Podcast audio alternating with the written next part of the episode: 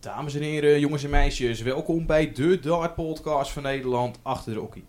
Ik ben Mike Hooiveld en uh, dit keer zit niet naast, uh, tegenover mij Erik Middelkoop, maar naast mij Erik Middelkoop. Ja, dankjewel Mike dat ik weer mag aanschuiven. Wij zijn uh, te gast bij uh, Benji en dat is niet zonder reden, want we zitten bij de nummer 26 van de wereld, Jeffrey de Zwaan. Jeffrey, welkom in onze podcast. Ja, dankjewel. Nou, ik stel voor dat we gewoon weer meteen gaan beginnen bij de opvallendste dingen van deze maand. Ja, dat is toch dat de PDC-kalender is online gekomen. En eigenlijk het grootste wat opvalt is dat we naar Leeuwarden gaan voor de Player Championships.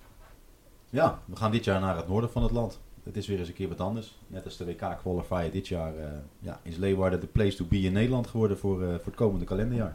Wat wel opvalt is dat het eigenlijk in hetzelfde weekend valt als de Development Tour. Ja, dat kan voor sommige spelers uh, ja, jammer zijn, maar ja, het is niet anders. De kalender heeft het zo uitgewezen. Nou weten we dat Jeffrey natuurlijk ook Development Tour speelt en ook een toolcard heeft. Wat vind jij eigenlijk van zo'n uh, verandering? Dat de Player Championships worden gepland in het weekend van de Development Tour? Ja, ik denk dat je dan toch een keuze moet gaan maken. Kijk, uh, je hebt sommige toolcardhouders, net als bijvoorbeeld als Geert Neentjes, ja, die staat hoog op de Development Tour. Ja, dan zou hij een keuze moeten maken, van, want er staat ook een WK-plek op voor de, eerste, voor de eerste twee volgens mij. Ja, dat zeker. Verder wat opvalt op, uh, nou niet opvalt in de kalender, is dat ondanks het afscheid van Van Barneveld uh, twee Premier League avonden terugkomen. Is dat een goede zaak of hadden ze beter terug kunnen gaan naar één avond? Nou, ja, ik denk dat je de fans van Ahoy gaat vragen dat die het prachtig vinden dat het twee avonden is. Ik sluit me daar als uh, Hollander daar wel een beetje bij aan. gezien het feit dat ook de contenders waarschijnlijk weer gewoon gaan blijven. Volgens mij is dat al wel zeker. Ja, vind ik het prachtig. Ja, over contenders gesproken. Het was een heet avondje tegen Rob Cross in Ahoy. Het was zeker een hete avond. Nou ja, kijk, uh, heet dat, ik begon onwijs goed. Hè? En uh, ja, je ziet Rob Cross steeds sterker worden, steeds sterker worden. Ja, en op een gegeven moment gaat hij eroverheen. Dat was jammer, maar het was wel een echt onwijs mooie ervaring om daar te, uh, daar te staan.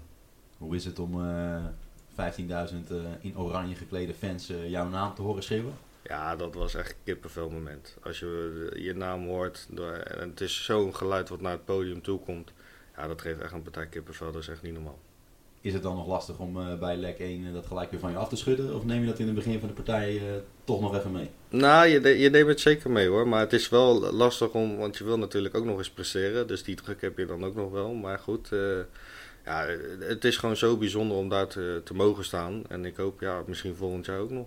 Ja, hopen. Um, ik weet natuurlijk niet wat voor keuzes de PDC gaat maken. Maar als je kijkt naar je afgelopen jaar, natuurlijk, wat hij meenaat doet het ook goed. Maar uh, vind jij dat jij volgend jaar gewoon weer als contender in Ahoy aanwezig moet zijn?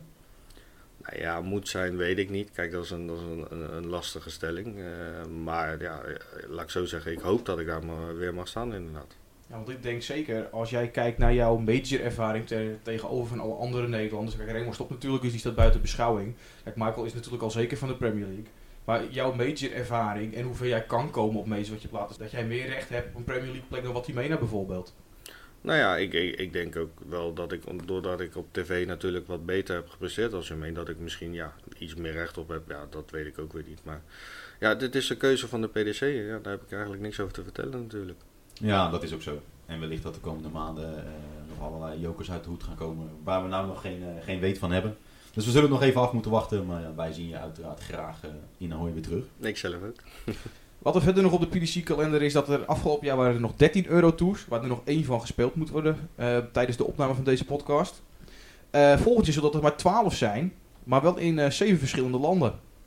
En het opvallend is dat er ook weer één naar Hongarije gaat. Of is die nieuw? Nou, Hongarije is nieuw. Het zijn overigens niet, niet zeven verschillende landen, maar er zijn er zeven in Duitsland. Eurotour natuurlijk voor de grap ook wel eens de Duitsland-tour genoemd. Ja, persoonlijk vind ik het jammer dat bijvoorbeeld uh, Kopenhagen en Praag nog niet op de kalender staan. Er moet natuurlijk nog één toernooi vergeven worden, maar uh, ja, ik denk dat Praag een succes was. Ik had die graag teruggezien. Hetzelfde geldt voor Kopenhagen. Goed, ik begrijp de PDC wel dat ze dat vaak in, in Duitsland willen doen. Ik had het graag wat meer verspreid over meer landen in Europa gezien. Je ziet toch in, in, bepaalde landen steeds meer spelers de neuzen aan de vensters aan het steken zijn. Ik denk dat het goed is als je in die gebieden verder wil ontwikkelen dat zo'n Eurotour daar natuurlijk een perfect podium voor is met een aantal home nation qualifiers. Maar goed, misschien moeten we daar nog iets langer op wachten. Je hebt je dit jaar acht keer geskwalificeerd voor de Eurotour. Dat doen jullie via de Eurotour qualifiers Europa. Dus zeg maar alles buiten, de, buiten Groot-Brittannië. En de Australische spelers uh, uiteraard. Wat vind jij daar eigenlijk van? Want we zien vaak dat de gemiddeldes over jullie toernooi zijn hoger. Uh, nou, je kan in de eerste ronde van Barneveld treffen. Je kan echt uh, hele grote namen treffen. Hoe kijk jij er eigenlijk op terug? Je bent er zelf ook een keer afgegaan met 113 gemiddeld in, eh, voor, voor een plekje op de Eurotour.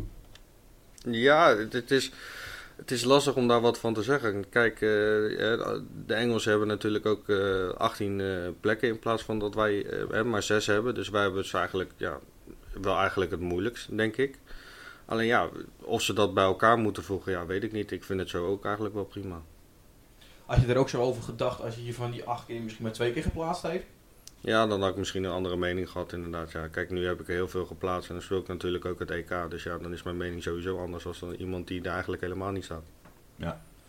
Nou, ik vind het ook wel keurig dat je dat zo zegt. Ik bedoel, eh, ik denk dat je als speler ook ja, niet te veel in dat soort dingen moet blijven hangen en erbij neer moet leggen zoals het nu is. Nee, klopt. Maar aan de andere kant ben ik ook wel van mening, als je de nijsjes naar elkaar gaat leggen, dan eh, zijn er 12 spelers eh, in de UK qualifier geweest die zich voor zes of meer Eurotours geplaatst hebben. En via de Europese qualifier zijn het er maar drie. Dus als je het die manier naast elkaar legt, ja, vind ik het toch wel een beetje oneerlijk voor de Europese tourkaarthouders. Zeker Ja, gezien eh, ja, op de Eurotour hoop prijzen geld te verdienen. Pro Tour ontzettend belangrijk eh, als kwalificatie-eis voor de tv-toernooien. Zeker weten, ja, ja klopt. Ja, over de Eurotour gesproken. eh, je hebt natuurlijk meer eh, qualifiers. De Home Nation qualifier heeft vast twee plekken. En de, die andere qualifier voor mensen van de Challenge Tour of van buitenaf, die heeft ook twee plekken. Als er iemand afzegt, schuift de ranking 9 van de 10 keer niet door, maar gaan die naar de Home Nation qualifiers. Wat vind jij daar eigenlijk van? Je ziet een hoop jongens zonder tourkaart. Vaak eerste ronde eruit, wel us tweede ronde door. Maar je hebt ook mannen die thuis zitten. Ron Meulenkamp zit thuis bijvoorbeeld. Wat is jouw mening daarover? Ja, ik, ik- denk dat ze die, plekken eigenlijk wel meer naar de tourkaarthouders mogen schuiven. Kijk, we, eh, eerlijk is eerlijk, wij staan natuurlijk voor de tv-toernooi te gooien. En ja, als iemand daar zo staat die eigenlijk ja, niks te- zoeken heeft, laat ik zo zeggen. Ja, dan is dat gewoon zuur voor degene die thuis zit. Ja, hoe je bent of keert, eh, er gaat ranking money naar spelers die niet op de, op de Tour natuurlijk te zien zijn. En nemen dat weg van de spelers die wel op de Tour eh, ja, hun brood gewoon moeten verdienen. Aan de andere kant, ja, ik begrijp natuurlijk dat ze een aantal lokale helden op zo'n podium willen hebben als de PDC zijn. Maar ook daar kun je inderdaad van afvragen of het ja, in het hele systeem eh, nou de meest eerlijke eh, variant is op deze manier. Maar goed, het is zoals het is. Nou ja, goed, vorig jaar is ook eh, niet dat op het moment dat het kalender uitkwam besloten hoe de qualifiers eruit gaan zien. Dus wie weet verandert dit jaar ook nog. Nou, we gaan nu bij de Eurotour blijven en we gaan terugblikken. En dat doen we meteen met het Ocean Dart Championship. Soejovic wordt in eigen huis. Ander walk nummer, kreeg het publiek meteen mee. Ja, Sujovic eh, kan misschien toch net eventjes iets meer eh, met het publiek achter zich. Eh, maar goed, ik denk ook gewoon dat hij een heel sterk toernooi heeft gespeeld op zijn Sujovic. Wat opviel is dat Vincent van der Voort een enorm goed weekend had. Hij moest, want hij was voor de andere, nou nu weten we dat hij voor de andere drie ook niet geplaatst is. Toen wist hij voor twee dat zeker. Maar ja, op deze manier staat hij wel weer op het EK. Ja, dat is eh, misschien dat Jeffrey eh, Vincent beter kent dan ik hem ken. Maar ja, ik heb wel het idee dat eh, Van der Voort zich moet plaatsen, dat hij dan toch altijd net even wat meer kan dan dat de drukte wat minder op staat. En ook dit keer weer, eh, ja, met die halve finale speelt hij in één keer eh, zijn kwalificatie voor en de World Grand Prix en het EK zeker. Is dat ook een beetje hoe jij Vincent kent? Of? Nou ja, kijk, ik, ik ken Vincent natuurlijk al langer, want ik, ik zie hem natuurlijk best wel regelmatig op de Tour. En ja, eigenlijk, ik vind Vincent altijd best wel sterk spelen. Elke wedstrijd speelt hij altijd best wel heel sterk. Alleen hij heeft net een paar kleine momenten waar hij dan net laat liggen en dat het dan net niet eh, de wedstrijd naar ze toe haalt, zeg maar. Ja, en dat is eigenlijk een beetje de struggelpunt van Van, van der Voort eigenlijk. Maar als hij, eh, als hij op dreef is, ja, dan eh, berg je dan maar. Wat opviel dat weekend, hij speelde heel goed. Alleen hij kwam tot tegen Soejovic te spelen. Gewoon niet op zijn telefoon te kijken. Wat vind jij van dat incident? Ja, ik, ik, vind het wel, ik vind het wel heel grappig. Kijk, eh, we weten hoe Vincent is. Ja, dat is Vincent. Ja, die, die- ja een soort van scheid aan alles. En eh, ja, ik vind, ik vind het wel grappig. Alleen ja, ik weet niet of de PDC er zo blij mee is. Ja, moet hij zich zorgen maken voor een boete, denk je? Dat weet ik niet. Maar ja, ik, ik denk het wel. Wat vind je ervan dat hij zo'n statement maakt? Vragen we beide heren. Hij maakt een statement. Het duurt erg lang met Soejovic. Het duurde die beurt ook erg lang. Eh, vooral naar Jeffrey toe. Je hebt Justin Pipe, Mickey Mansell. Ik noem even twee namen. Die zijn ook vrij traag. Eh, je ziet van echt een statement maken. Want het duurde echt inderdaad lang. Hij liep terug. Twee keer vingerpoederen. Wat vind je daar zelf van? Ja, eh, kijk, het, is ook natuurlijk een mentaal spelletje geworden. Hè. Kijk, dat, dat kan iedereen wel, mits je veel traint, kan iedereen best wel redelijk een pijltje gooien. Alleen ja, het is nu, de laatste tijd is gewoon meer mentaal geworden. En ja, hoe ga je ermee om? Dat is de vraag. Nou, ik denk dat Vincent dat weekend eh, in de laatste avondsessie er wat moeite mee had. Zeker, hij kwam ook Cameron Menzies tegen. Die was heel druk, liep verkeerde kant van het podium af, heel enthousiast. En je zag Van der Voort echt moeite hebben om zijn concentratie te behouden. Hoe pak jij dat dan aan? Ja, het, het, het is lastig te vertellen. Kijk, de ene speler moet je misschien net wat meer tijd nemen en ja, tegen jezelf zeggen van blijf gefocust en blijf geconcentreerd. Bereid jij je altijd voor op je tegenstander? Ik bereid me altijd wel voor op mijn tegenstander. Ik kijk altijd wel tegen wie ik moet. En vaak heb ik eigenlijk ja, tegen iedereen wel een keer gegooid. Dus ik weet wat ik kan verwachten. En ja, het is ook een beetje kijken naar anderen. Kijk, eh, je gaat eens af en toe wedstrijden kijken. En dan zit je gewoon op te letten van ja, wat doet hij of wat doet hij niet. Hè. Je kan een paar trucjes uithalen, dat kan ook nog. En daar moet je gewoon op voorbereiden. Word je dan toch nog wel eens verrast dat iemand iets uithaalt eh, waarvan je denkt, hé, hey, dat had ik van jou niet verwacht? Oh ja, zeker. Ja hoor. Dat, eh, dat heb ik best wel vaak meegemaakt. Dat ik denk van, hé, hey, dat had ik niet van jou verwacht. Maar goed, eh, daar moet je ook mee om kunnen gaan. Heb je zelf ook een trucendoos die je wel eens opentrekt? Als iemand eh, bij mij een, een paar trucjes doet, dan heb ik zeker een trucendoosje om, om wat terug te doen. Zeker weten. Zelf speelde jij ook in Oostenrijk. Alleen je kwam Michael van Gerwen tegen bij de laatste 16. Klopt, ja. Dat was, was wel een leuke wedstrijd hoor. Want het ging best wel gelijk op. Tot 3-3 volgens mij. Alleen ja, dan zie je toch weer de klasse net van die nu- nummer 1 van de wereld. Ja, en dan gaat hij er toch nog met 6-3 vanaf. Maar je weet dat je hem kan pakken. Je hebt het al twee keer op een major zelfs bewezen. Klopt, ik weet dat ik hem kan pakken. Alleen ja, het is net op de mo- momentopname. Hè. Kijk, hij, ik miste volgens mij één of twee pijltjes. Hij gooit net eh, die hoge finish uit. Ja, en daar breekt hij aan mij eigenlijk. Ja, dan, hij gaat er vandoor met de winst. Ja, jij noemt de Menzies en Rodriguez als verrassingen. Maar mij is eh, Adam Gallas eh, toch wel erg opgevallen. 17-jarige Tsjech. Heb jij hem zien spelen, Jeffrey? Jazeker, ik heb hem de eerste ronde zien spelen. En toen vond ik hem heel sterk spelen. En hij verloor de tweede ronde van Sujovic inderdaad. Eh, Maar dit is zeker een, eh, een jongen voor de toekomst. Nou, absoluut. Ik bedoel, we hadden het net eventjes over eh, Eurotour eh, plekken waar de PDC zou moeten landen.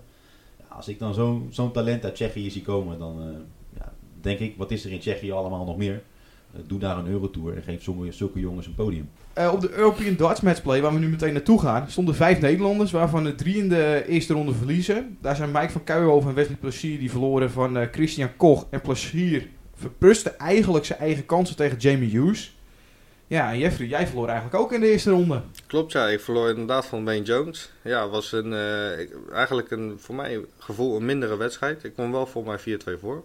Alleen ja, ik verprutste het zelf ook. Nou, eigenlijk, eh, wat eigenlijk opviel dat weekend, en wat eigenlijk dat weekend daarna ook opvalt, is dat Glenn Durant twee keer eh, een kwartfinale en een halve finale haalt. Hij komt eigenlijk steeds een stapje verder. Zal het in Gibraltar wel raak zijn voor Durant dan? Ja, het is een logische volgende stap eh, als je gaat kijken naar wat Durant allemaal aan het presteren is sinds hij de overstap naar de PDC heeft gemaakt. Door Players Championship heeft hij inmiddels al gewonnen. Ook op de World Matchplay heeft hij natuurlijk ontzettend goed gedaan. Het is eigenlijk wachten dat hij een titel gaat pakken die net wat groter is eh, dan een vloertoernooi. Ja, eh, het zou zomaar in Gibraltar kunnen zijn. Wat denk jij, eh, Jeffrey? Heb je dit jaar al een paar keer tegen Durant gespeeld op de Tour? Ik heb inderdaad een paar keer tegen Durant gespeeld. Het is een hele sterke, sterke speler. Hij is ook vrij constant ook.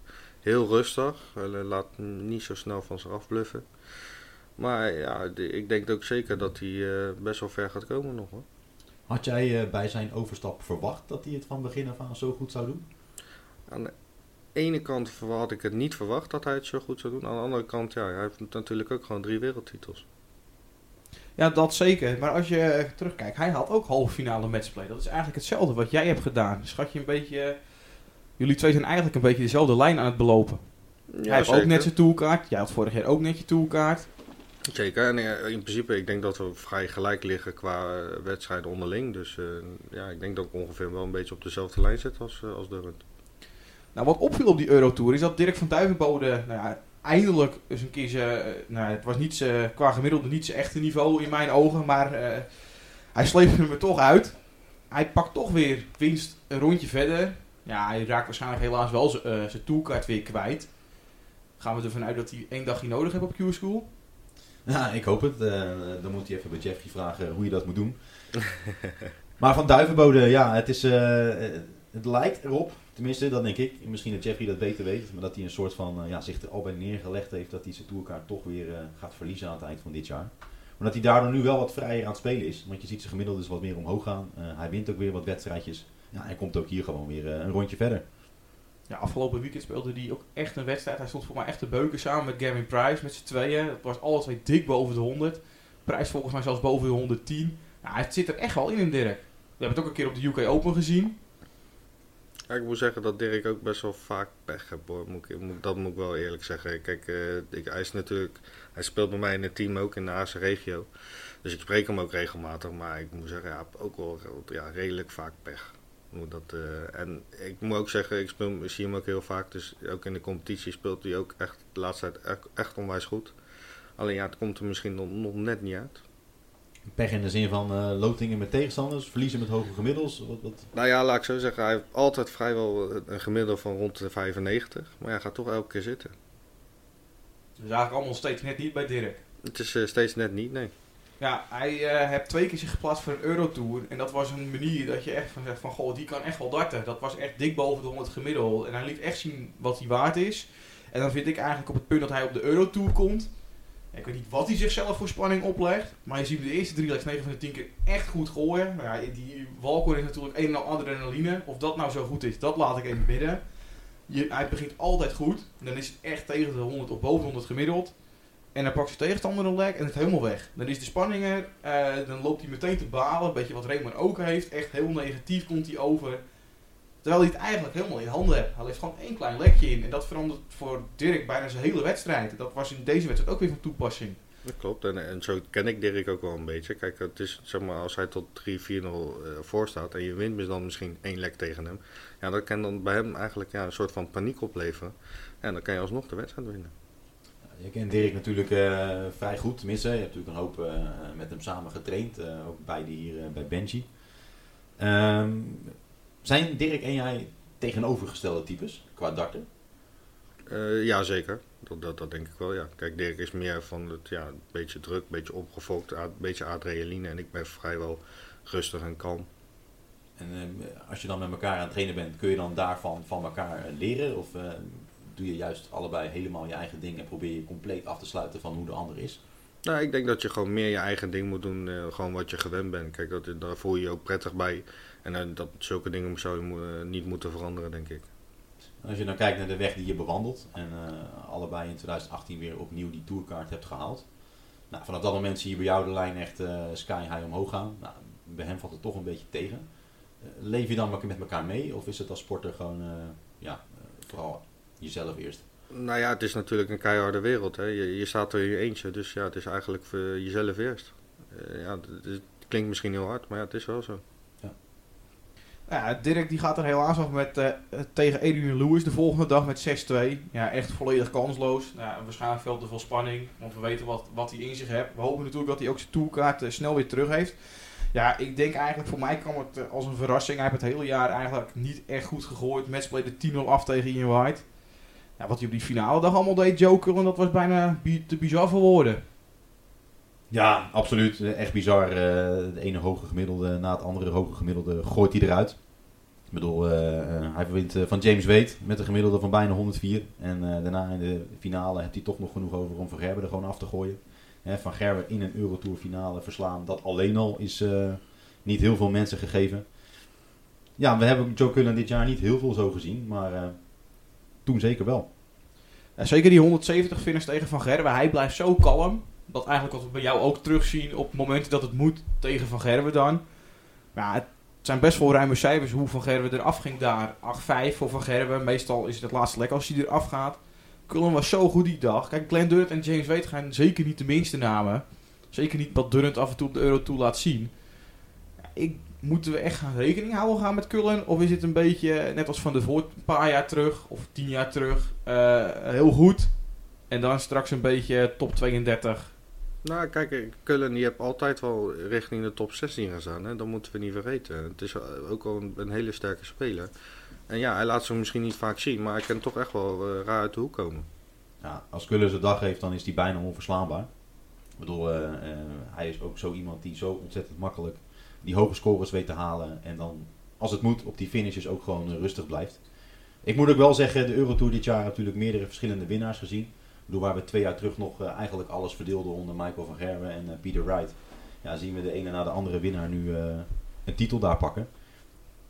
Is het ook een teken dat de top dichter, nog dichter bij elkaar is gekomen? En dat er gewoon ook meerdere spelers zijn die een toernooi kunnen winnen? Jazeker. Kijk, als je zeg maar, kijkt alleen nog naar gemiddeldes wat er op een tour wordt gegooid. Ook qua spelers misschien die misschien op plek 90 staan die gooi je ook gewoon misschien 105 een keer, misschien 106. Ja, dan ga je, als je daar 90 tegen gooit, ga je er gewoon tegen zitten. Nou heeft uh, Michael van Gerwen inmiddels uh, 7 Eurotour events achter elkaar niet gewonnen.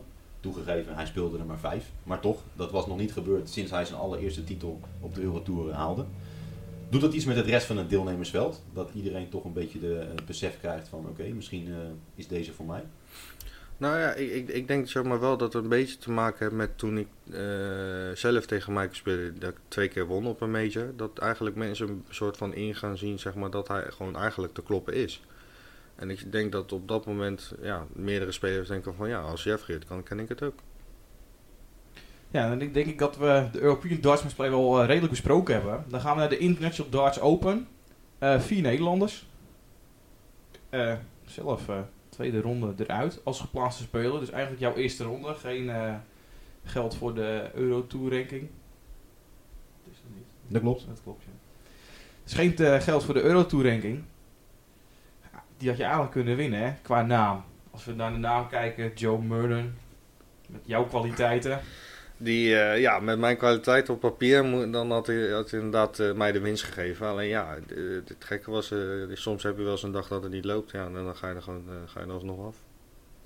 Ja, Danny Noppert, die, die was als qualifier, verloor die in de tweede ronde van, met 6-5 van Daryl Gurney net drie gemiste matchdarts. Je ziet toch dat Noppert, zeker op podiums, heel veel moeite heeft met grote spelers. Hij mist nu weer drie matchdarts. Tegen Anderson op de matchplay was het ook niet echt fantastisch. Had jij daar in het begin veel last van? Van de, met dubbels missen? Ja, dubbels missen, spanning op het podium. Het is allemaal nieuw. Kijk, het is natuurlijk altijd wel uh, spanning op het podium. Ja? Je hebt natuurlijk mensen achter je staan, mensen staan, zitten te kijken. Dus ja, je hebt toch altijd wel een bepaalde druk. En als er dan op dat moment toch op een dubbel komt te staan en hij moet erin, ja, dan is het aan jezelf van hoeveel druk leg je jezelf op. Ja, en als je op een gegeven moment zoveel druk hebt dat je niet meer je pijl gewoon rechtdoor kan gooien, ja, dan houdt het gewoon op. Nou, wat ik wel nog even wilde, wilde vragen aan jou, Jeffrey. Je hebt natuurlijk de afgelopen maand dan uh, de drie Eurotours alle drie meegedaan. Ja, je schurkt op die Pro Tour ranglijst uh, echt tegen die 16e plek aan. Um, ja, als je dan uh, in die afgelopen drie Eurotour toernooien net wat verder was gekomen, dan had je er misschien ook echt in gestaan. Um, nou, dan krijg je tegenstanders als Wayne Jones en Joe Murnan. Tuurlijk, het zijn goede spelers en ze staan er niet voor niks. Maar heb je dan achteraf niet zoiets van, ja, dit was echt een kans om, uh, om die top 16 in te, te beuken? Nou ja, zeker achteraf dan denk ik van, ja, potverdorie. Uh, in principe had ik gewoon de top 16 kunnen staan inderdaad. En dan had ik eigenlijk de, de plaats van Gibraltar niet eens hoeven spelen.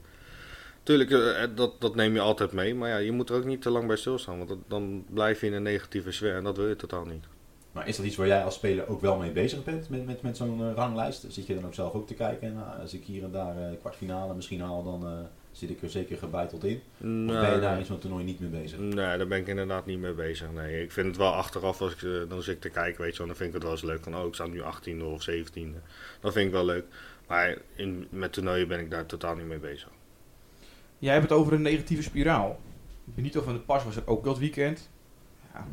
Gaat hij er nog bovenop komen? Hij zit terug naar zijn oude pijlen. Het is allemaal zo werken, zwoegen. We hebben het de vorige podcast ook al even over gehad, over Benito. Ik weet niet hoe medespelers daar tegen aankijken. In dit geval jij. Wat, wat, denk jij, komt het nog goed met Benito? Of is het een beetje zoeken en het eigenlijk net niet halen? Nou ja, kijk, we weten allemaal dat Benito natuurlijk een, een onwijs talent is. Hè. Eh, dat moeten we niet vergeten, want hij heeft nog gewoon top 16 van de wereld gestaan. Maar ja, ja, het is lastig te zeggen. Kijk, uh, als je mij op een briefje zou geven dat, drie jaar geleden dat ik nu de de 26 van de wereld had gestaan, ja, dan had ik gezegd van je bent gek. Maar ja, eh, nu sta ik het toch wel. Ja, zeker. Een andere uh, ja, negatieve spiraal. Hij klimt er wel wat uit. Jelle Klaassen. Ja, beide heren gaan wel zitten in de eerste ronde. En dit is eigenlijk een toernooi waar ze zichzelf helemaal terug kunnen krijgen. Zeker. En eh, kijk, ja, het is natuurlijk zuur als je eerste ronde gaat zitten. Kijk, William is natuurlijk ook goed voor jezelf Dan ga je toch net wat anders in de volgende wedstrijd. En ja, dat, dat zullen hun denk ik gewoon wat meer nodig hebben. Ja, aan de andere kant kun je het denk ik toch ook wel positief bekijken. Ik denk dat voor beide spelers een beetje hetzelfde geldt. Dat het al heel erg positief is dat ze er weer een keer staan. Hè. Zeker voor Benito. Was alweer een tijdje geleden. Ja, dat je dan gelijk de eerste ronde eraf gaat, dat is jammer. Maar het is wel weer een overwinning dat hij er weer een keer stond. En eh, ja, ik hoop van ganse harte dat Benito er weer een beetje bovenop kan komen. Want uh, zoals we Benito twee, drie jaar geleden kennen. Uh, ik zie hem nog die finale tegen Peter Wright gooien met 110 gemiddeld. Ja, hij verliest hem dan helaas. Ja, waar is die speler gebleven, vraag je je dan af.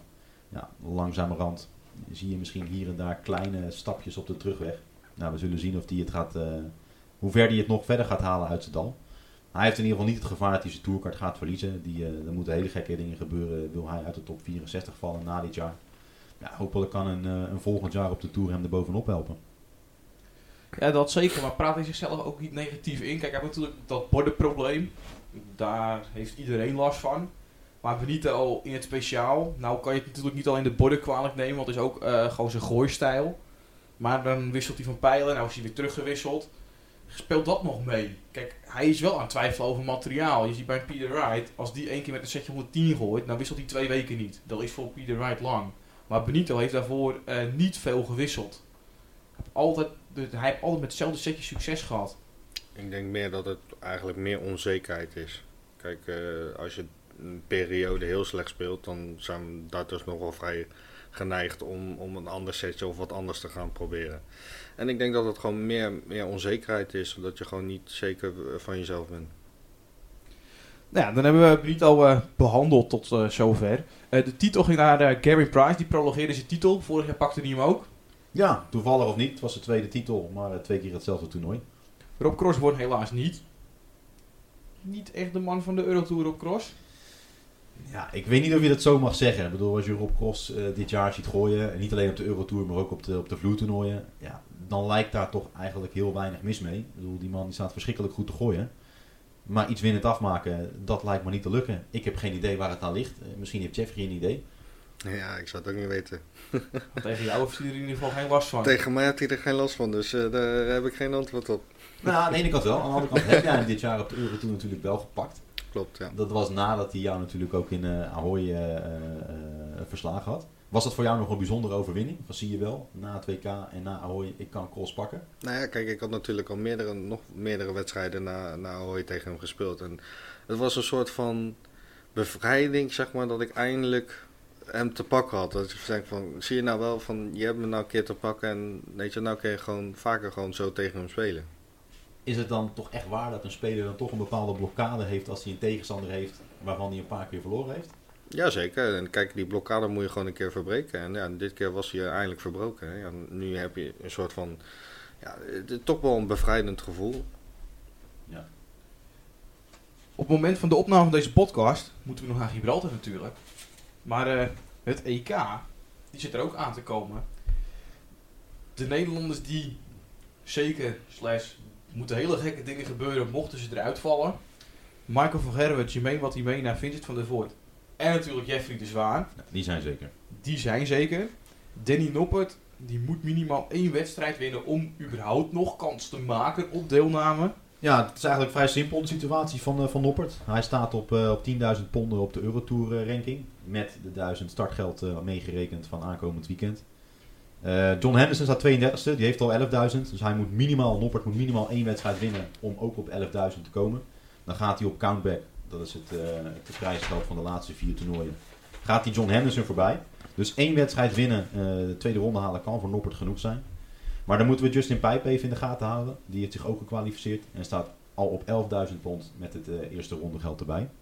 Met andere woorden, uh, Pijp mag eigenlijk de eerste ronde niet doorkomen. Want dan is een tweede ronde voor Noppert dan niet meer genoeg. En natuurlijk nog Michael Smit uh, onder hem staan. Die staat op 9000, maar is wel als geplaatste speler in Gibraltar aanwezig. Wat inhoudt dat hij de tweede ronde mag gaan instromen. Ja, weet hij die te winnen, pakt hij in één keer 3000 en komt hij dus op 12.000 totaal. Dus dat zijn eigenlijk een beetje de mannen die Noppert in de gaten moet houden. Ja, gaan die verder komen, zal Noppert ook verder moeten komen. Het opvalt, twee namen, Kim Huibrechts, Michael Smith, vaste major-spelers. Ik denk dat Kim daar ook wel toe behoorde, zeker tot uh, 1 à 2 jaar terug. Vooral Michael Smith. We kunnen alles de boy de schuld gaan geven. ook wat ongeluk gehad over Barneveld in Zwolle tweede ronde. Maar ja, hij staat niet voor niks zo hoog op de wereldranglijst. Ik vind eigenlijk dat hij echt wel een minimaal Eurotour had mogen winnen of finale halen. En je ziet hem echt zo struggelen op die Eurotour. En dan op de matchplay haalt hij ineens weer finale. Wat, wat is er voor Michael Smith zo anders aan de Eurotour? Denkt hij er te licht over? Heb jij er enig idee van? Ja, het zou kunnen dat hij er iets te makkelijk over, over denkt. Kijk, eh, we weten allemaal als we een, een, tv-toernooi moeten gooien, dan ga je er toch anders in. En ik denk, ja, het zou best kunnen hoor, dat hij er over de Eurotour te makkelijk denkt. Ja, op de Play Championship heeft hij het niet. Dan haalt hij, nou, ik wil niet zeggen met gemak, maar als hij komt is het meestal wel een kwartfinale minimaal. En dat valt toch op dat hij op de Eurotour zoveel problemen heeft. Denk je dat hij ook mentaal zoiets heeft van, ah, ik ga het podium weer op, bord zal wel fout zijn, het zal wel weer. Want het is bijna elke keer op de Eurotour dat Michael Smith problemen heeft met de borden.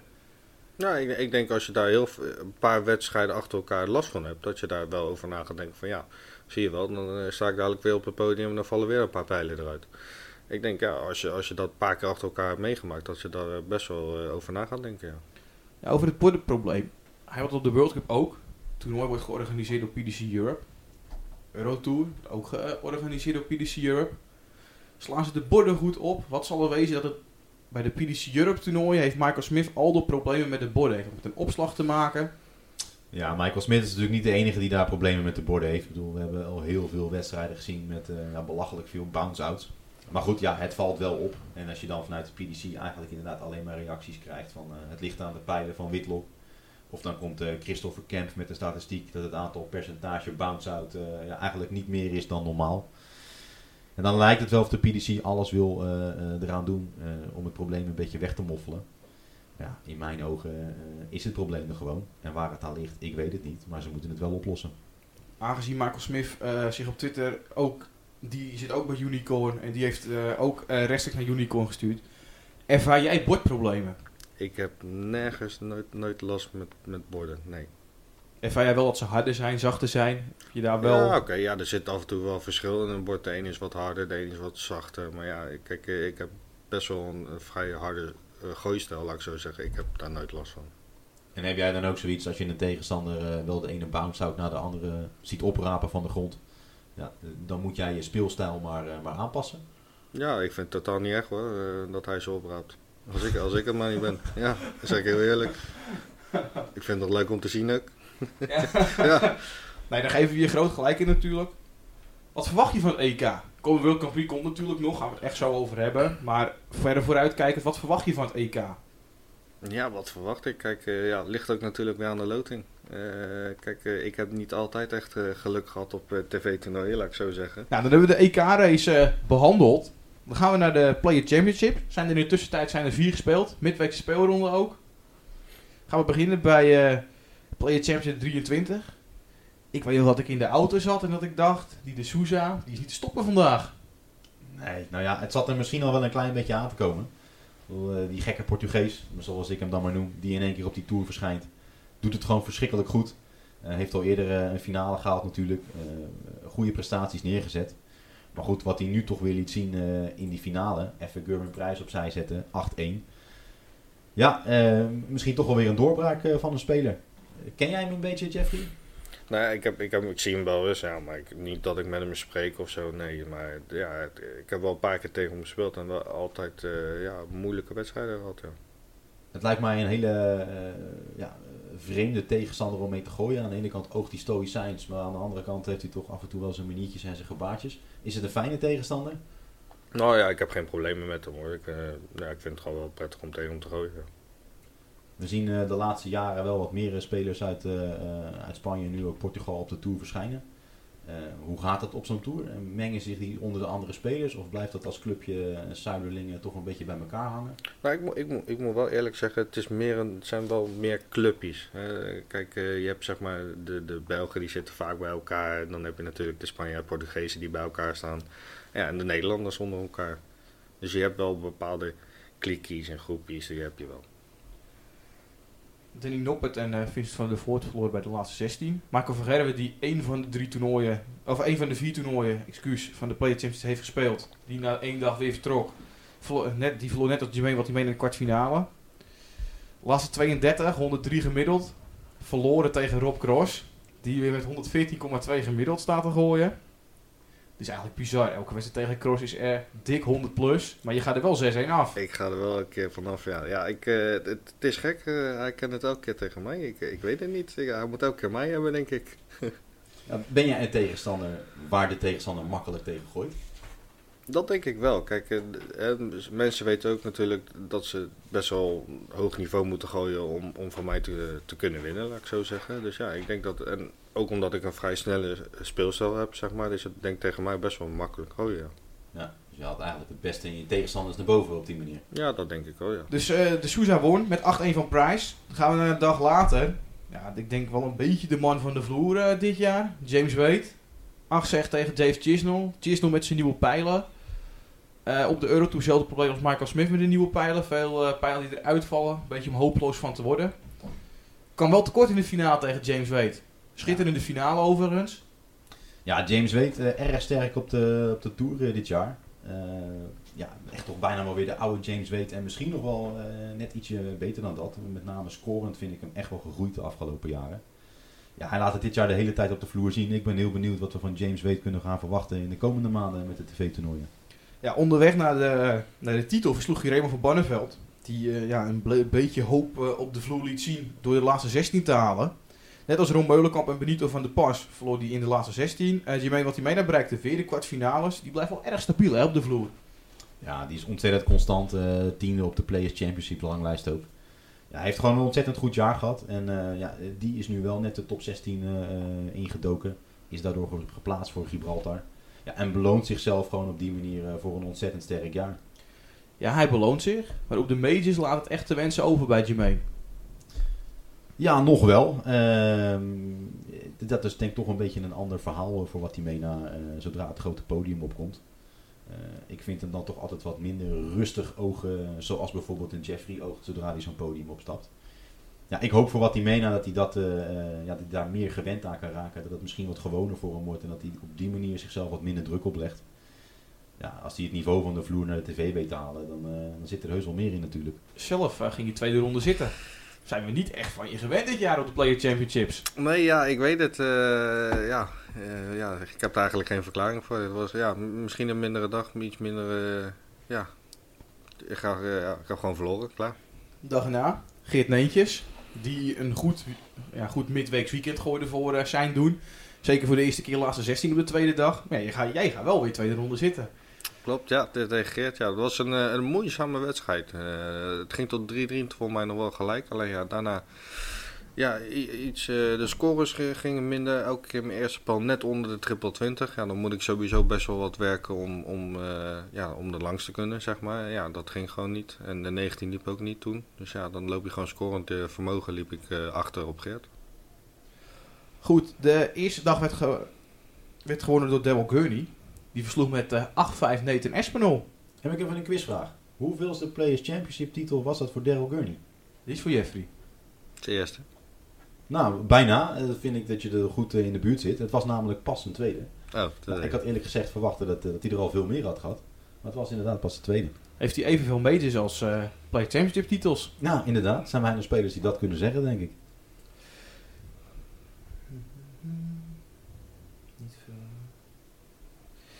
Jeffrey de Zwaan en Jelle Klaassen bereiden de laatste 16.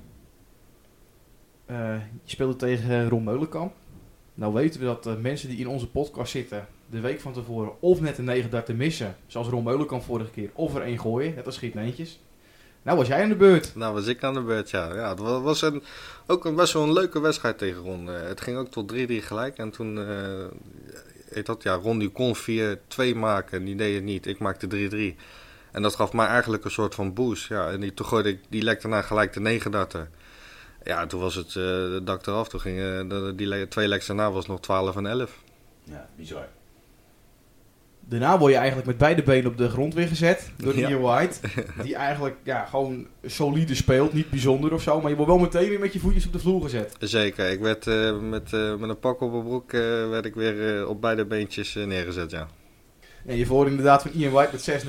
Klein White was je tegen. Ja, het mocht de pret van die dag denk ik niet meer drukken. Neem je pontjes mee. Zeker. Het was gewoon een solide dag. klopt inderdaad. En kijk, die wedstrijd ook, ik gooi wel voor mij eh, 99 punt nog wat. Ja, Dus wa- het was voor mij gewoon wel, wel een redelijke wedstrijd. Ja, alleen ja, Ian White die gaf me gewoon totaal geen kans. Echt totaal niet. Ik heb misschien twee lekkere kansen op een dubbel gehad. Ja, die miste ik. Ja, dan, dan wint hij gewoon 6-0. Ja. Eh, ik denk zelf een opsteken voor Mike van Duivenbode. Die pakt een keer laatste 32. eh, een keertje geen eerste, tweede ronde voer. Even een paar rondjes verder. Zal goed doen voor zijn vertrouwen, denk ik. Ja, denk ik zeker. Hij doet het ook gelijk twee keer. Eh, dus het vertrouwen betaalt zich ook gelijk uit in eh, de volgende dag weer zo'n resultaat. Ja, zo zie je toch maar weer dat gewoon een hele goede darter eh, in dat topveld met de beste 128 spelers van de wereld. ja, dat je daar wel gewoon echt heel goed, heel constant moet zijn. En iedere keer met je beste vorm voor de dag moet verschijnen, wil je daar wat bereiken. Het heeft eventjes geduurd, maar eh, nou ja, nu pakt hij toch mooi eventjes 2000 pond in zo'n weekend. Hij gooide niet tegen jou de dag erna. Ben Sujovic won, overigens. Hij gooide niet tegen jou, maar hij gooide wel een 39. Rob Cross. Rob Cross inderdaad, ja, ik zag het. Ja. En Ian White ook nog. hè? Ja, die waait ook nog in de finale tegen eh, echt een zeer spannende finale. 8-7. Trekt hem toch niet over de streep, Ian White. Nee, nou ja, we hadden het net over Opsen Sujovic. Ik denk dat ook eh, deze titel Opsen Sujovic gepakt was. Eh, maar als je gaat kijken naar wat White die dag gepresteerd heeft, eh, behalve dan die 9 darter in de finale, gooit hij ook nog even 107 gemiddeld in de finale. Ja, met gemiddeldes win je geen, geen wedstrijden. Dat is ook zo, want Sujovic gooit maar 97. Maar weet toch gewoon die wedstrijd over de streep te trekken. Maar de weg naar de finale toe gooit eh, 115 gemiddeld in de halve finale tegen Steve West. Hij gooit twee keer 104 gemiddeld op een rij tegen Bolton en Nentjes. Hij begon de dag met 104 gemiddeld tegen Dekker. Ja, dat die die dag niet won is eigenlijk een wonder. Maar eh, ja, eh Sujovic eh, weet het toch voor elkaar te toveren. Het is wel des Ian Whites, hè? Ja, weet ik niet. Ik bedoel, op de vloer hebben we hem natuurlijk regelmatig wel toernooien winnend af zien sluiten. Ja, ik had eigenlijk wel verwacht dat hij dat hier ook zou doen. Maar Sujovic wist het toch te doen. Ja, Ian White hebben we het ook wel eens eerder over gehad. Ehm, ja, de man die het op de vloer ontzettend goed doet, maar op tv maar niet wil lukken. Ehm, doet het nu op de Euro Eurotour toch ook wel wat beter dan zijn voorgaande jaren. Eh, wat denk jij Jeffrey? Eh, gaat het met Ian White toch nog een keer gebeuren op de tv-toernooien eh, dit jaar? Of gaat het er nooit meer van komen? Ik denk dat het een kwestie van tijd is dat hij een keer echt ver op een major gaat schoppen. Kijk, het is een hele onderschatte speler hier White. En ik heb best wel vaak tegen hem gespeeld. Altijd moeilijke wedstrijden tegen hem. Ik heb voor mij misschien één of twee keer maar gewonnen van alle keren. En ik, ik denk dat hij heel erg onderschat is eh, bij meerdere spelers. En ja, ik denk ook als het een keer gaat, eh, gaat lukken, dan eh, hoop ik dat hij een keer echt ver gaat komen. Ja. Vergelijk jij jezelf wel eens met Ian White? Ik bedoel, op het oog hebben jullie allebei een, dezelfde rustige werpstijl. Ook allebei in staat om gigantische gemiddeldes aan de dag te leggen. Je kan misschien zeggen dat Ian White daarin wel wat stabieler is dan dat jij dat bent. Is dat iets wat je... eh, hoe, hoe kijk jij naar Ian White? Nou, in Ian White zie ik sommige dingen wel terug in mezelf ook. Hè. Qua rustheid, eh, qua worp. Hij heeft ook een best wel soepele worp. Alleen net op, op bepaalde momenten waar wel dan de druk erop ligt, dan zie je hem ook een beetje trillen, misschien af en toe missen. En dat heb ik ook nog wel eens. En, en dat zie ik wel in mezelf terug. We hebben de Play of Champions redelijk gehad. Stel ik voor om even snel eh, terug te kijken op de andere toeren van de PDC. Eh, de Asia Tour is gespeeld. Eh, dubbelslag voor Asada. Ja, Asada doet het daar natuurlijk verschrikkelijk goed op die tour. Wint inderdaad twee toernooien op rij. Weet zich op die manier ook te plaatsen voor het WK. Doet dat nog eens een keer dubbel en dwars over door daarna ook de Japanse WK-qualifier te winnen. Net zoals vorig jaar. Ja, je hebt daar toch wel echt een top 4, eh, top 5 die er bovenuit steekt. En Asada is er daar eentje van. En die top 4 gaat sowieso naar het WK. Eh Seigo Asada, Paul Lim en Noma Likdem. Ja, en de vriend van Vincent van der Voort komt weer terug. Laurens Illegan. Zal shirtje al goed zitten? Ja, ik eh, hoop voor Vincent dat er dit jaar een andere loting uitkomt. Aan de andere kant, als we dat eventjes buiten beschouwing laten. Ja, vind ik dat wel gewoon de beste spelers van die tour. Zie ik die dan ook graag terug op het WK. Dat zeker. Wat opviel eh, is Jap- je Japanse WK-qualifier. Dat Asada daar zelf ook weer aan deelneemt. Kijk, jij bent al geplaatst voor het WK. Kijk, Jeffrey gaat het, neem ik aan, ook niet in Leeuwarden spelen of voor WK plaatsen terwijl hij al zeker is. Nee, maar ik denk dat je dat toch iets anders moet zien. Die Japanse WK-qualifier is ook eh, gewoon echt een Japanse titel. Eh, je zou jezelf Japans kampioen kunnen noemen als je dat wint. Nou, het eergevoel van de Japanners is misschien wat anders bij ons dan hier in het Westen. Eh dat was dus voor Asada daar echt wel wat om voor te spelen. Dus hij wilde daar gewoon die titel pakken. En daardoor gaat nu inderdaad eh, Yamada als nummer 5 van de Asian Tour ook naar het WK. Dus hij bewijst zijn landgenoten ook nog eens een keer een dienst mee. Dat zeker, maar ja, je speelt daar wel voor een WK-plek. Hè? Dus eh Kuta Suzuki, die verliest daar. Maar die speelt eigenlijk daar wel voor een WK-plek. Dus in principe mocht Asane niet meedoen, vanuit dat hij even ver had gekomen dat hij dan wint. Hij krijgt eigenlijk een WK-plek door zijn neus heen geboord. Ja, als je het Suzuki zal vragen, zal die er minder blij mee zijn, denk ik, ja. Verder is ook weer de CDC toegespeeld. Die heb jij een beetje gevolgd. Nou, ik moet je eerlijk zeggen dat ik dat niet, eh, niet op de voet volg. Ik kijk uiteraard naar wel de winnaars. Nou, dat zijn toch vaak wel dezelfde namen. Darren Jong wint er weer eentje. Danny Baggis, die we natuurlijk van het Noord-Amerikaans kampioenschap kennis, eh, kennen. Eh, die wint er ook weer eentje. Ja, en ook daar zijn nu de WK-namen dan eh, bekend. En naast eh, de eerder genoemde Jong en Baggis eh, zal Matt Campbell ook naar het WK afreizen. En is die tour nu ten einde voor dit jaar. Dan gaan we down under. De mannen die we de afgelopen, afgelopen augustus veel hebben gezien. Vooral Damon Hetta.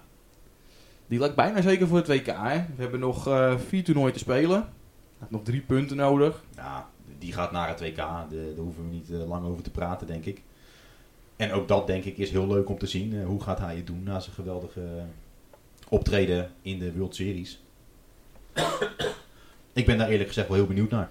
Nou, hij krijgt natuurlijk nog wat podiumervaring cadeau natuurlijk. Want hij is als, als geplaatste speler naar de AVAS toe. Dus hij speelt de zaterdag pas. Dus hij krijgt echt nog wel wat podiumervaring voor het WK. Denk je dat het goed zal doen? Of is het een eendagsvlieg als Gabriel Clemens op de World Series? Of zal het echt nog een tijdje duren voordat die jongens echt... Ja, Clemens heeft natuurlijk wel een tourkaart. Kijk, die komt er vanzelf wel. Die, die gaat dan net niet naar de World Grand Prix toe. Nou, moeilijk te zeggen. Tuurlijk zal die, eh, die podiumervaring eh, het daar heel erg goed gaan doen. En dat neemt hij ook mee naar het WK. Aan de andere kant moet natuurlijk ook weer niet doen alsof het iemand is die eh, de ene na de andere wedstrijd eh, boven de 100 gemiddeld gooit. Eh, dat heeft hij nog niet laten zien. Dat, dat kan hij misschien wel, maar dat zijn toch een beetje uitzonderingen nog geweest. Ja, het kan zomaar zijn dat hij in het WK net een verkeerde loting treft en, en er gewoon gelijk afgaat. Maar misschien ook wel niet. Ik heb geen idee eigenlijk. We moeten het gaan zien. Verder zijn er ook weer twee andere namen bekend voor het WK. Benjamin Brandnemer. Het is de tweede Sloveen op het PDC wordt de tweede Sloveen die ooit op het PDC WK heeft gestaan. Ja, en niet een Koeman. Die hebben we vorig jaar ook zien spelen. Is dat zo? Hebben we die vorig jaar zien spelen, Jeffrey? Eh, ja, voor mij wel toch? Ja. Nee, de eerste ronde speelde je tegen mij natuurlijk. Goede herinneringen aan, denk ik. Ja, best wel. Het was voor mij 3-0, dus eh, daar heb ik wel goede herinneringen aan. Ja. Om Ja. er even op in te haken. Wat vind jij ervan dat je daarna s'avonds weer moet spelen? Zeker, jij hebt wel laten zien op de matchplay. Kijk, als je daar nou eh, een iets mindere speler tegenover zet. Ja, met alle respect, hè, kijk, je mag ze in principe niet bevoordelen. Maar Jan Dekker, die krijgt een wedstrijd waar hij zich enorm voor moet opladen. En die krijgt bijna een week rust. Ja, kijk, ik, ik, zelf vond het best wel prettig eigenlijk, twee wedstrijden. Omdat ik de eerste, ja, had ik eigenlijk ja, op papier gezien een, een, een, wat makkelijkere, eh, eerlijk is eerlijk. Ja, en dan heb je natuurlijk al op het podium gestaan en dan ga je s'avonds de tweede keer op het podium op. En dan, ja, ik weet niet, dan is de druk heel een stuk minder als bij je eerste wedstrijd. Ja, zo kan je het natuurlijk ook uitleggen. Dus eh, goed dat je dat op die manier eh, zo opgepakt hebt. Eh, Is dat dan iets wat de PDC moet aanpassen? Of zeg je van nee, dit moeten ze eigenlijk juist wel zo houden? Want je helpt misschien de underdog een beetje. Ja, ik, althans ja, in mijn positie vond ik het wel prettig. Ik ging de, de tweede wedstrijd het podium op ja, met heel stuk minder druk en minder stress. Ja, da- da- daarom speelde ik ook, denk ik, ja, eh, veel beter als mijn eerste wedstrijd. En je- die pratnemer, hè? ken je die trouwens van, eh, van het YouTube filmpje? Ik heb eh, geen idee wat jij bedoelt. Ik ben Ja. benieuwd. Ja, die man die heeft twee titels op zijn naam. Het is geen hele gerenommeerde Oost-Europese darter hoor, begrijp me niet verkeerd. Vorig jaar won hij in het Hongaarse weekend beide eh, toernooien. Maar in beide toernooien eh, verrekent hij zich eh voor dat hij voor de wedstrijd mag gooien. En gooit hij zich eigenlijk twee keer dood. eh, tenminste, hij gooit zich één keer dood en één keer blijft hij op dubbel eh, één eh, over. Ja, dat is ook wel heel bijzonder dat dat bij een speler gebeurt. Twee keer in hetzelfde weekend. Twee keer als hij voor de wedstrijd gooit. Maar dan uiteindelijk wel twee keer het toernooi ook nog wint. Nou, die gaan we straks zien op het WK. Eh, ik hoop voor hem dat hij eh, het rekenen een beetje bijgespijkerd heeft. We hopen het voor hem. Eh, ik hoop dan dat heb- hij een telraam bij zich heeft. Dat zal hij nodig hebben. En dan even sluiten we de PDC kort af. Gaan we even terug naar eigen land, de NDB-rankings. Bij de heren A won eh, Luc Peters met eh 2-1 in sets van eh, Wesley Plaschier.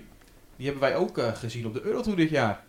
Wesley Plezier. Ja, natuurlijk eh, verschrikkelijk goede darter. Ehm, op de Eurotour deed hij trouwens ook verschrikkelijk goed. Ja, ik ben benieuwd of zo'n jongen eh, ook een keer de stap wil gaan maken naar Q-School. Om te kijken ja, of die wat op de Tour kan gaan betekenen. Bij de heren B eh, was een, eh, een aparte finale, want er was geen finale. Eh, Pieter Elzinga bleek jong om te spelen bij de heren B, want je mag pas vanaf 18 het podium op. Dus eh Robin Veenstra kreeg eigenlijk de winst in zijn handen geduwd. Mooi makkelijk. Bij de junioren won Luc van der Kwast. Bij de aspiranten Masilio Balsamano. Bij de meisjes Lorena Rietbergen. Bij de specials Michelove van Velzen. En bij de paradarters Menno Lammers. We hebben eigenlijk de eerste NDB eh, hebben we gespeeld. Ik was zelf ook aanwezig. Toch eh, veel man, veel banen. Heb jij wel eens NDB gespeeld, Jeffrey? Ik ben eh, inderdaad bij de NRB ook begonnen. Inderdaad, ja, de, de rankings heb ik zelf bij de jeugd ook gegooid. Wat is jouw ervaring van de NDB? Vind je het een goede zaak? Zou het splitten over twee dagen eventueel? Erg druk? Ja, ja. Ik, ik denk dat, dat ze, als ze iets meer banen hadden gehad, eh, dat het dan wat sneller, het toernooi sneller verloopt. Kijk, eh, het duurt af en toe nog wel eens te lang, naar mijn idee. Maar goed, eh, kijk, het is er natuurlijk een opstapje om, om eh, ja, eigenlijk de BDO-toernooi op te, te, te gaan gooien. En dan uiteindelijk misschien de PDC. Nou, je maakt zelf een stappen naar de BDO-toernooi, hè? Het eerste meisje bij de BDO is gespeeld. Ja, zeker. En eh, eh, de World Trophy natuurlijk eh, doe jij op. Eh, heel wat Nederlanders aan de start. Zou op tv te zien te zijn. Helaas eh, moet je daar toch voor een stream voor betalen. Maar goed, ik heb het wel een beetje gevolgd. eh, en eh, ja, Jim Williams eh, maakt zijn favoriete wel waar. Hij was misschien niet de enige topfavoriet. Maar uiteindelijk over het hele toernooi genomen vond ik hem toch wel de sterkste. Helaas voor Veenstra dat hij in die finale dan tegen Williams eraf gaat. En bij de vrouwen natuurlijk Lisa Ashton. Ja, ongenaakbaar het hele toernooi eigenlijk. Terecht de titel voor haar weer erbij. Wat wel opviel, we zagen Andy Hamilton weer terug, Martin Adams. Adams, geen super indruk. Andy Hamilton die liet wel even een zien in de eerste ronde. Had een hele moeilijke aan eh, Adam Smith-Neal, hebben we vorige podcast zeker over gehad. Ja, hij pakt hem heel makkelijk. Zoveel overtuiging, rust. Ja, leuk om, eh, om Hamilton überhaupt weer terug te zien natuurlijk. Ehm, ja, ik ben persoonlijk heel erg blij met eh, de regel dat de PDC-spelers ook gewoon nu bij de BDO-toernooi mogen komen. En vice versa. Mits ze geen toolkaart hebben uiteraard. Mits ze geen tourcard hebben en er zitten volgens mij nog wat regeltjes met op, op stream spelen. Ja, mag volgens mij dan niet. Maar eh, over het algemeen is de, die, die muur toch een beetje weggehaald. Ja, en je ziet er wat voor komt. Eh, carrières kunnen gewoon opnieuw om, opbloeien. Ja, zeker zo'n Andy Hamilton. Zie jij hem ooit nog de stap terugmaken naar de PDC? Of vindt hij dit allemaal wel mooi? Net als Tony O'Shea, Devil Fitten. Ik vind dat een moeilijke vraag. Kijk, eh, ik, ik ken Andy Hamilton ja, eigenlijk nauwelijks. Eh, niet echt met hem gesproken. Maar ja, het zou best kunnen dat, dat hij weer, weer misschien een keer terug gaat naar de PDC. Maar ik denk het eigenlijk ook weer niet. Nou, dan hebben we nog de vier BDO-toernooien. En daar zaten eigenlijk eh, drie Nederlandse winnaars in. Ja, eh, inderdaad. eh, Wesley Harms, om maar mee te beginnen, eh, dat is geen verrassing. Die doet het ontzettend goed. En sinds eh, Durant en McGinney daar weg zijn, eh, ja, lijkt het tijdperk Harms daar toch wel een klein beetje aan te breken. Toch gaat hij er vroeg uit op de, op de World Trophy. Onnodig. Ja, dat dan weer wel. En dat is jammer, want daar hadden we eigenlijk misschien wel gehoopt om Harms wat verder te zien eh, komen. Maar eh, ja, hij had eh, Mark McGrath als tegenstander. En die, die sloeg de ene naar de andere Nederlander naar huis. waaronder ook Harms. Ja, Wesley Harms won de Engeland Classics en de British Open. En de, de British Classic, die werd eh, gewonnen door eh, de winnaar van de Gramercy, Dennis Calter. Ja, Daniel de Kalter, ja. En die bewijst zichzelf zelf ook wel een enorme dienst mee. Want hij duikt nu net de top 26 in en staat nu op plaatsing voor Lakeside. Met nog maar één weekend te gaan in Brugge straks. Dus eh, ja, een overwinning op het juiste moment, denk ik. Nou, dan eh, wil ik eigenlijk besluiten deze terugblik af te sluiten. Dames en heren, jongens en meisjes, bedankt voor het luisteren naar de Achter de Hockey podcast. Wij zijn aankomende maandag terug met een vooruitblik op de World Grand Prix. En dat zullen wij samen doen met Jeffrey de Zwaan.